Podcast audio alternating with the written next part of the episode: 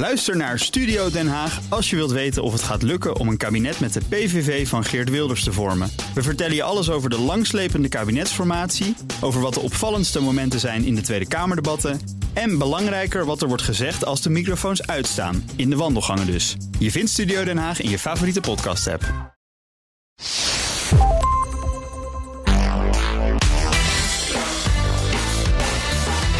Welkom bij de Ben Tichelaar podcast. De podcast over persoonlijke en professionele groei. Tony Chocolonely, de vegetarische slager. Dopper. Allemaal succesvolle bedrijven die naast winst ook positieve maatschappelijke impact maken. Bedrijven met een purpose zou je kunnen zeggen. Ik praat er vandaag over met Dennis Mensink. Hij is de schrijver van het boek Lief. Succesvol ondernemen voor een betere wereld.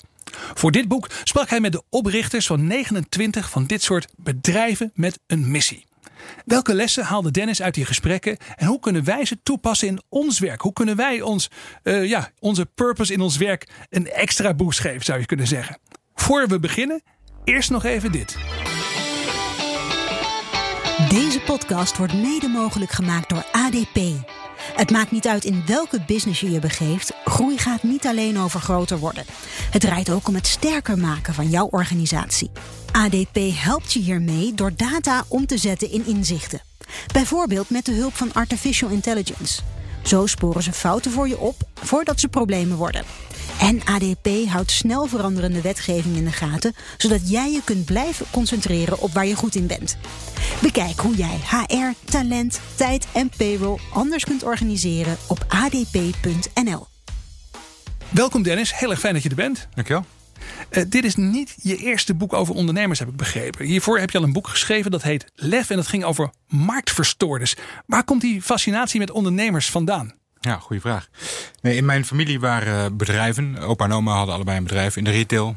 Uh, die waren het allebei begonnen. Dus uh, van niks iets gemaakt. En ja, dat... Wat voor soort bedrijven willen we even weten dan? Ja, een zat in de bedden en de andere in de kleding. Ja, uh, gewoon beetje... winkels hadden ze of meerdere winkels, zaken? Ja, of, dat soort dingen. Ja. Het, het, groeide altijd wel iets uit. En ik vond het wel fascinerend hoe je eigenlijk, hè, hoe die mensen met niks Tegenwoordig zeg je dan op de zolderkamer, dat was misschien niet letterlijk zo, maar toch een heel bedrijf neerzetten. En uh, dat, dat was wel van jongs af aan. Dan zat je dan bij vergaderingen en dan dacht je, oké, okay, dit is wel, gebeurt wel iets. En dit okay. heeft de familie opgezet. Dus Zo leuk, je zit van jongs af aan bij vergaderingen. Hoe moet je dat voorstellen? Nou, als er dan uh, vergaderingen waren. Mijn ouders namen overigens die bedrijven niet over. Okay. Maar dan was ik wel in de buurt en dan, uh, ik vond het wel interessant. Ja. Um, dus, dus jong van jongs af aan. En wilde je zelf ook altijd ondernemer worden? Dat zat wel in de lijn der verwachting voor mezelf. Uh, omdat ja. ik dacht, dan, dat is de, de vrijheid. En uh, zelf weten wat je doet voor wie.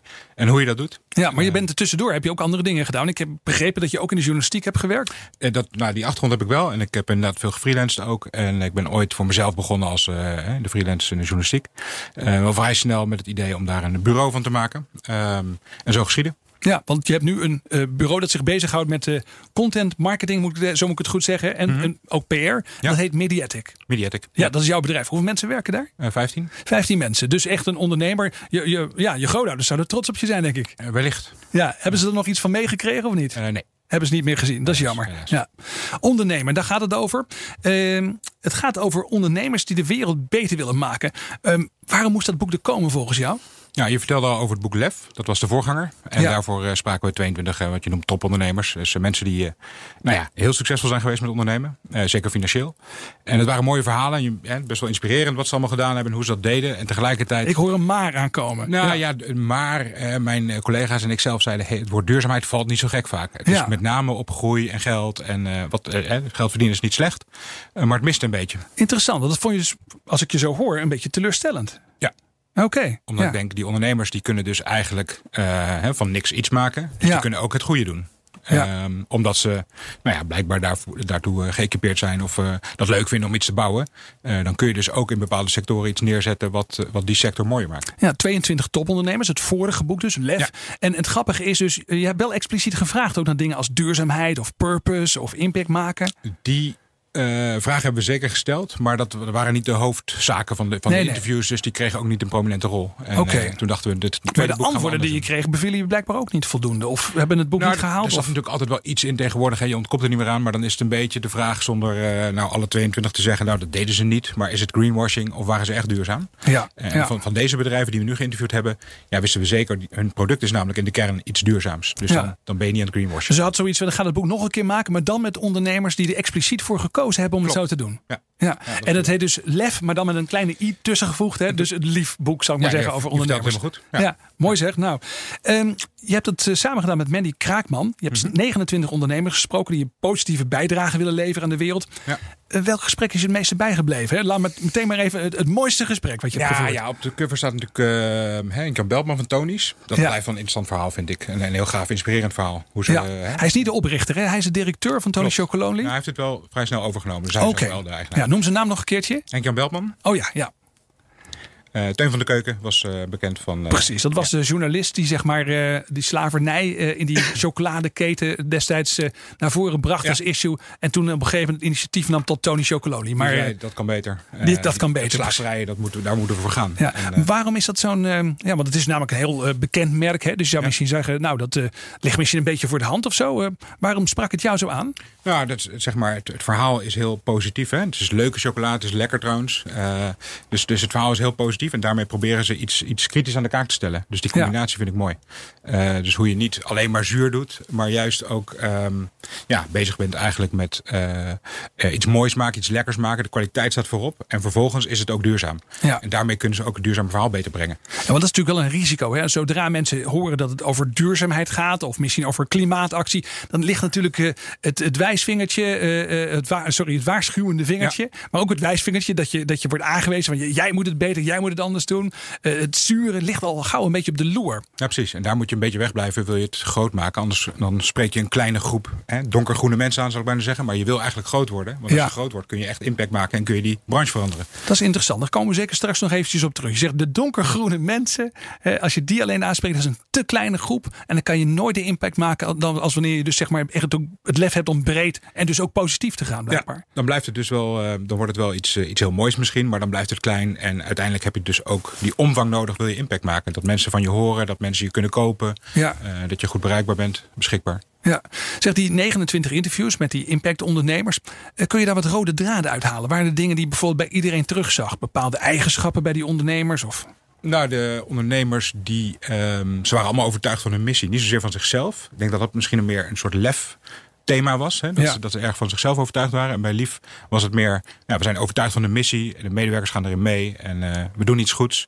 En dat, eh, ja, dat was wel wat ze bond. Ja, maar kwam dat bij die mensen vandaan? Kreeg je daar een vinger achter? Was, was er bijvoorbeeld, waren het ondernemers, hè, echte typische ondernemers, die op een gegeven moment hadden ontdekt dat je ook iets moest doen met een missie? Of waren het mensen met een missie die eh, ondernemerschap als vehikel hadden gekozen om hun missie te realiseren? Hoe moet je dat voorstellen? Beide smaken kwamen voor, moet ik zeggen. Dus je, had, je had ondernemers die hadden al meerdere bedrijven gehad. En die dachten, hè, nu, eh, nu gaan we maar eens eh, echt iets goeds doen. Ja, kun je een voorbeeld noemen? Ehm, nou, ik, ik- wat ik ook een mooi verhaal vond was van eh, Matthijs van Abbe van Kinder. Ja. Dat is Kind, maar ook Tinder. Dus dat is, gaat over ehm, eh, goede doelen en hoe ze die zeg maar ranken. En eh, hè, hoe, je, hoe je die verschillende eh, doelen naast elkaar kunt zetten. Als jij een euro geeft aan het ene doel, wat doet dat ten opzichte van het andere doel? Oké. En, en hoe goed zijn die? Nou, Dat is een internetplatform of een soort app of zoiets Ja. waarmee je eh, kunt Klopt. kiezen hoe geef ik mijn goede doelen euro het beste die uit. kunt vergelijken. En Ja, dat, is- ja, vond ik inspirerend. En eh dat is ook een van de mooie verhalen, vind ik.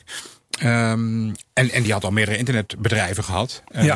Waar die ook wel af en toe eh, iets duurzaams deed en iets, iets weggaf. En, eh, maar dit was helemaal opgezet om. En dat vond ik mooi. Ja, was dat een soort, nou ja, laten we zeggen, bekeringsverhaal? Was iemand die zeg maar heel succesvol is geweest als internetondernemer en toen dacht, ja, daar kan ik eigenlijk ook iets goeds mee doen? Hmm, heb ik niet meer zo voor de hand, Oké. voor, voor ogen.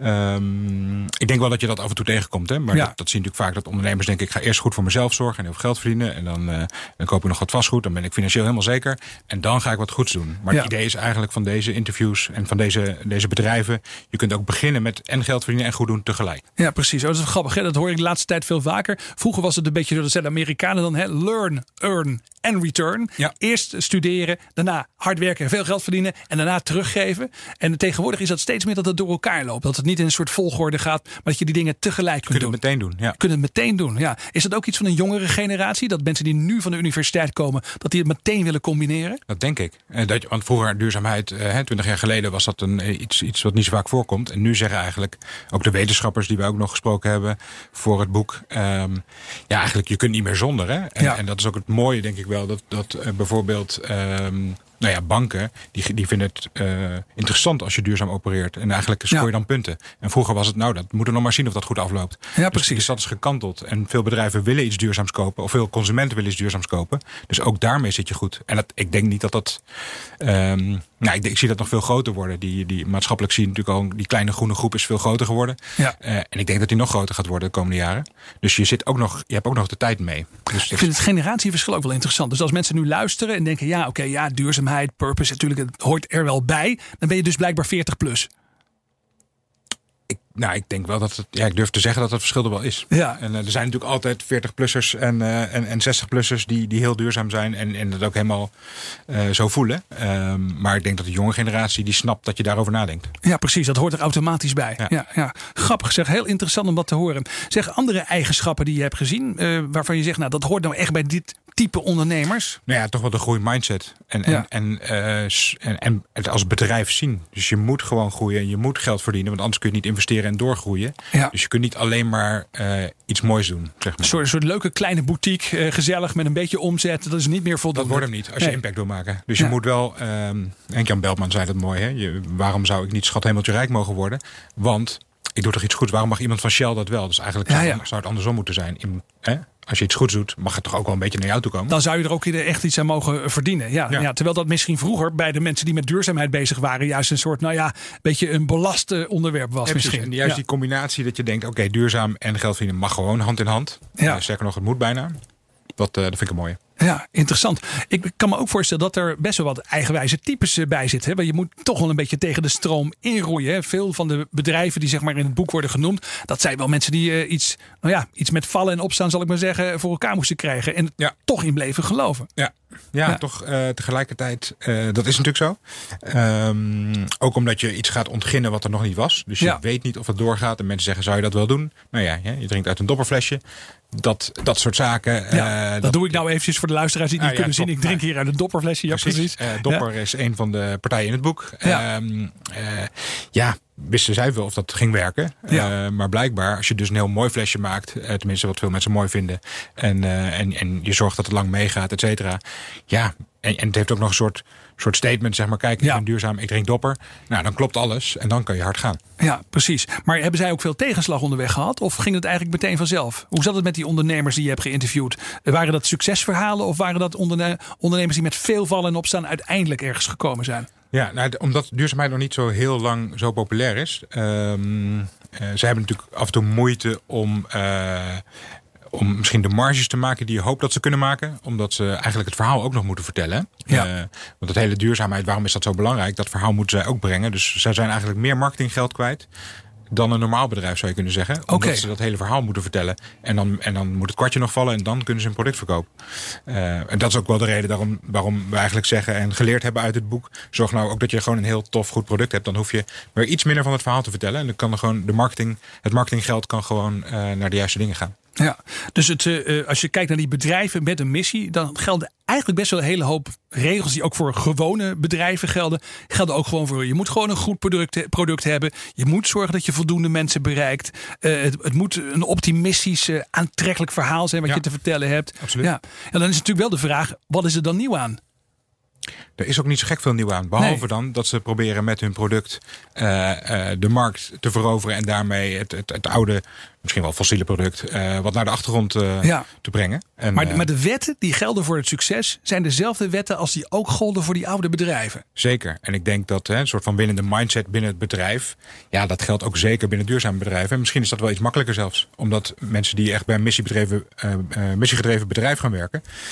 Ja, die doen dat ook omdat ze eh, een leuke baan willen hebben, maar ook de wereld een beetje willen veranderen. Dus er Ja. zit een soort energie in die je. Normaal moest je wel een heel leuk bedrijf zijn, wil je die energie krijgen van je medewerkers. En nu, Ja. nu krijg je dat eigenlijk automatisch een beetje mee. Dus er zit echt wel een voordeel op de arbeidsmarkt. Omdat ook die jonge generatie, maar ook misschien wel mensen van mijn leeftijd, zeg ik maar even, Ja. eigenlijk eh, eh, hun beste jaren eh, niet meer willen geven aan een bedrijf dat de wereld nou ja, lelijker maakt, laat het maar zo Ja, zeggen. Ik denk dat het. eh, sterk toeneemt. Ja, heel interessant. Uh, we hebben best wel een paar voorbeeldjes even genoemd. Maar ik ben nog wel benieuwd even naar wat andere voorbeelden. Daar gaan we het zo meteen even met elkaar over hebben. Mm -hmm. Je luistert naar de Ben Tichelaar podcast. Ik praat met Dennis Mensink. Hij is schrijver van het boek Lief. En ik bespreek met hem de succesfactoren van impactondernemers. Bedrijven met een purpose zou je kunnen zeggen. Ondernemers die de wereld beter proberen te maken met hun bedrijf. Uh, Dennis, jij vindt dat impactondernemers niet bang moeten zijn om geld te verdienen. Je noemde net, dat net ook al eventjes. Uh, kun je eens uitleggen hoe jij daarnaar kijkt? Nou, ik denk uh, uh, dat zij die zeggen dat het mag, dat die helemaal gelijk hebben. En dat je uh, zelfs geld moet kunnen verdienen en zeker winst moet kunnen maken als bedrijf om dus door te kunnen investeren. Ja.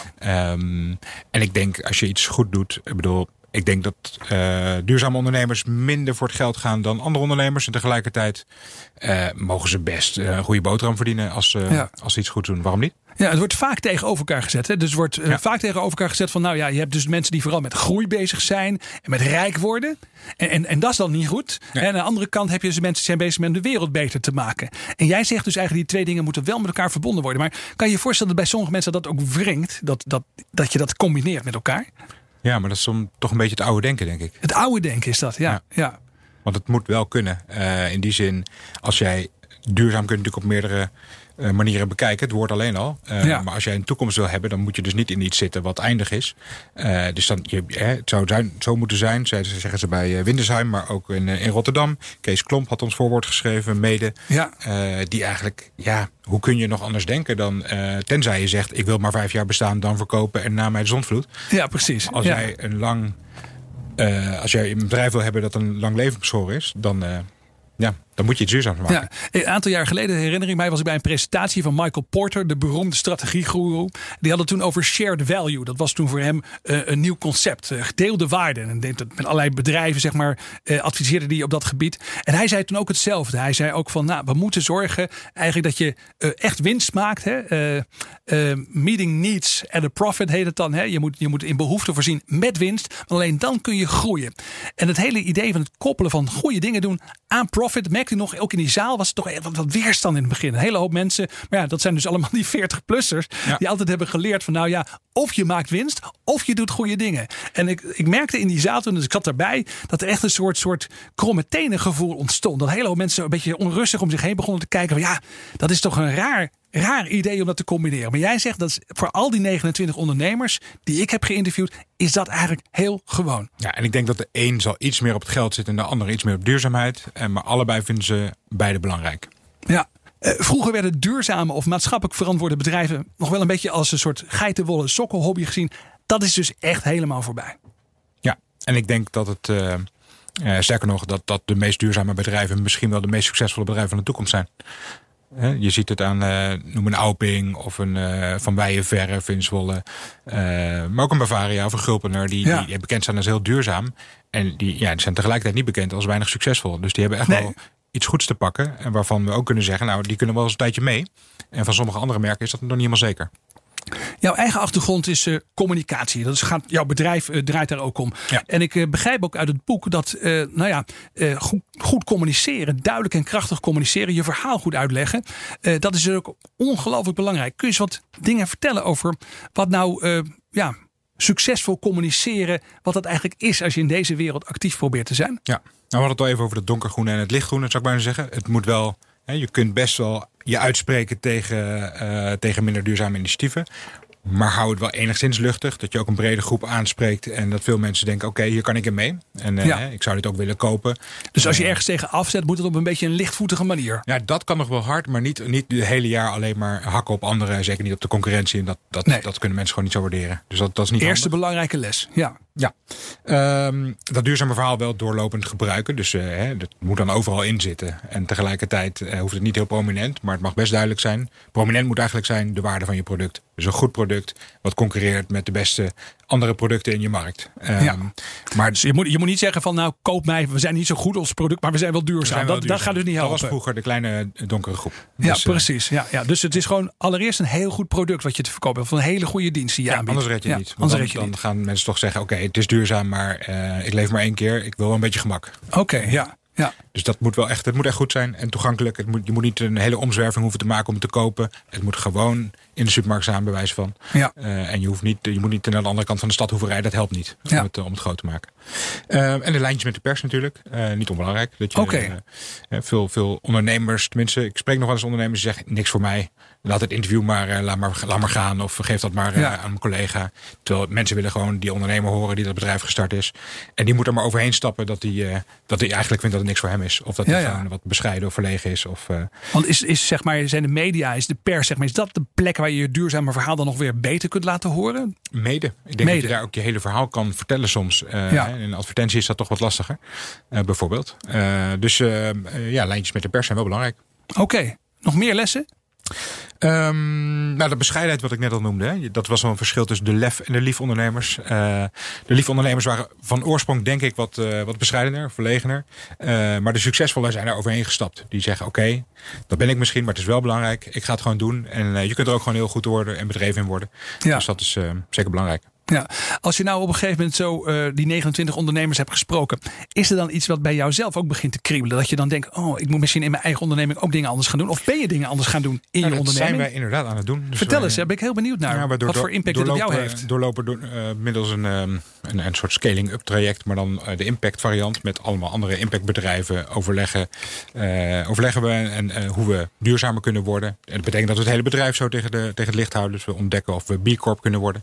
Ja. Hè, dus dat betekent dat we allerlei dingen heel duurzaam oppakken. Ja, B Eh, Corp dat is een soort, soort keurmerk zou je bijna kunnen zeggen. Dat bestaat al iets van 30 jaar of zo, of 40 Ja. jaar al zelfs, hè, geloof ik. Ja. Neemt ook een vlucht trouwens, dus we zijn niet heel Oh, dat is weer opnieuw eh, groot aan het worden. Ik dat is- herinner mij van vroeger, zeg maar even, je had de Body Shop en dat soort bedrijven. Dat Ja. waren echt de eerste grote B Corps. Ben Jerry's, hè, ook zo'n grote naam uit die tijd. Ehm, maar nu de nieuwe bedrijven vinden dat dus ook weer belangrijk. Ja, nee, steeds meer eh, afgelopen jaar. Auping, die ik net noemde, Ja. B Corp geworden. Maar het, het neemt enorme vlucht. En dus in die zin zijn we niet origineel, maar wel, wel goed bezig. En we werken veel voor impactbedrijven. Dat is ook echt veel meer dan een paar jaar geleden. Dus we hebben echt de focus. We willen met name impactbedrijven bijstaan. En als bureau is dat wat lastiger. We maken geen product. Maar we kunnen natuurlijk wel via onze dienst eh duurzame bedrijven helpen. En, eh, Ja. hun stem vergroten.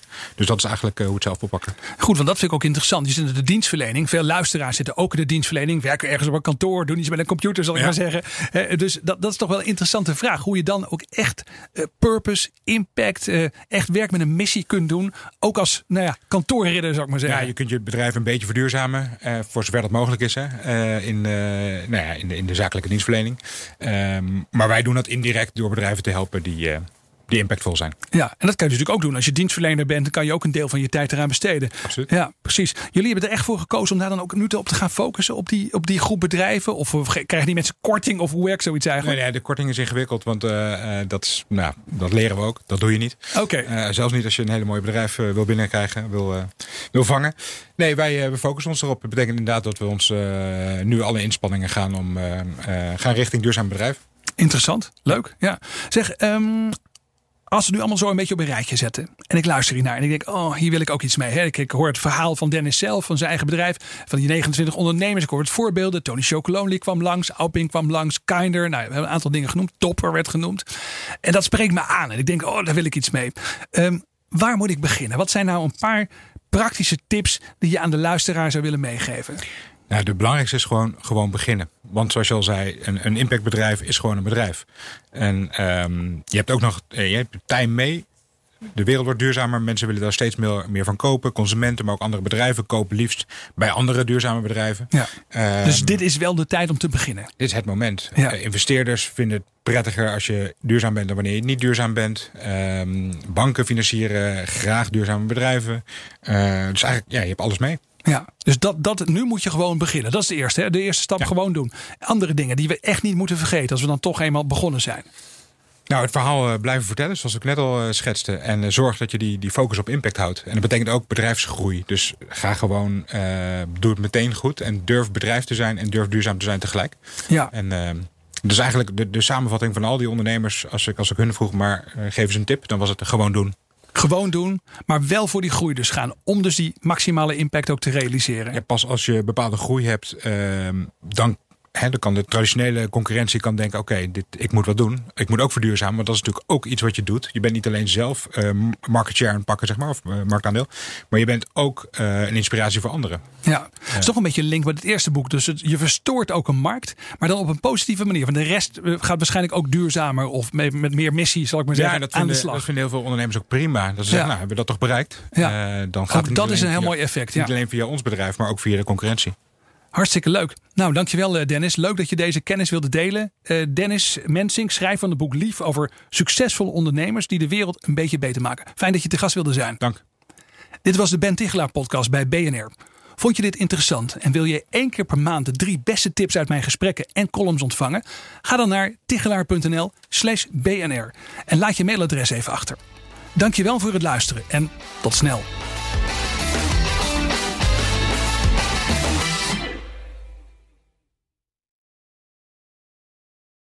Ook Hugo Reitsma vind je in de BNR-app. Superhandig die BNR-app. Je kunt alle programma's live luisteren, breaking nieuwsmeldingen. Je blijft op de hoogte van het laatste zakelijke nieuws. En je vindt er alle BNR-podcasts, waaronder natuurlijk de belangrijkste, Boeken zijn in de wijk. Download nu de gratis BNR-app en blijf scherp.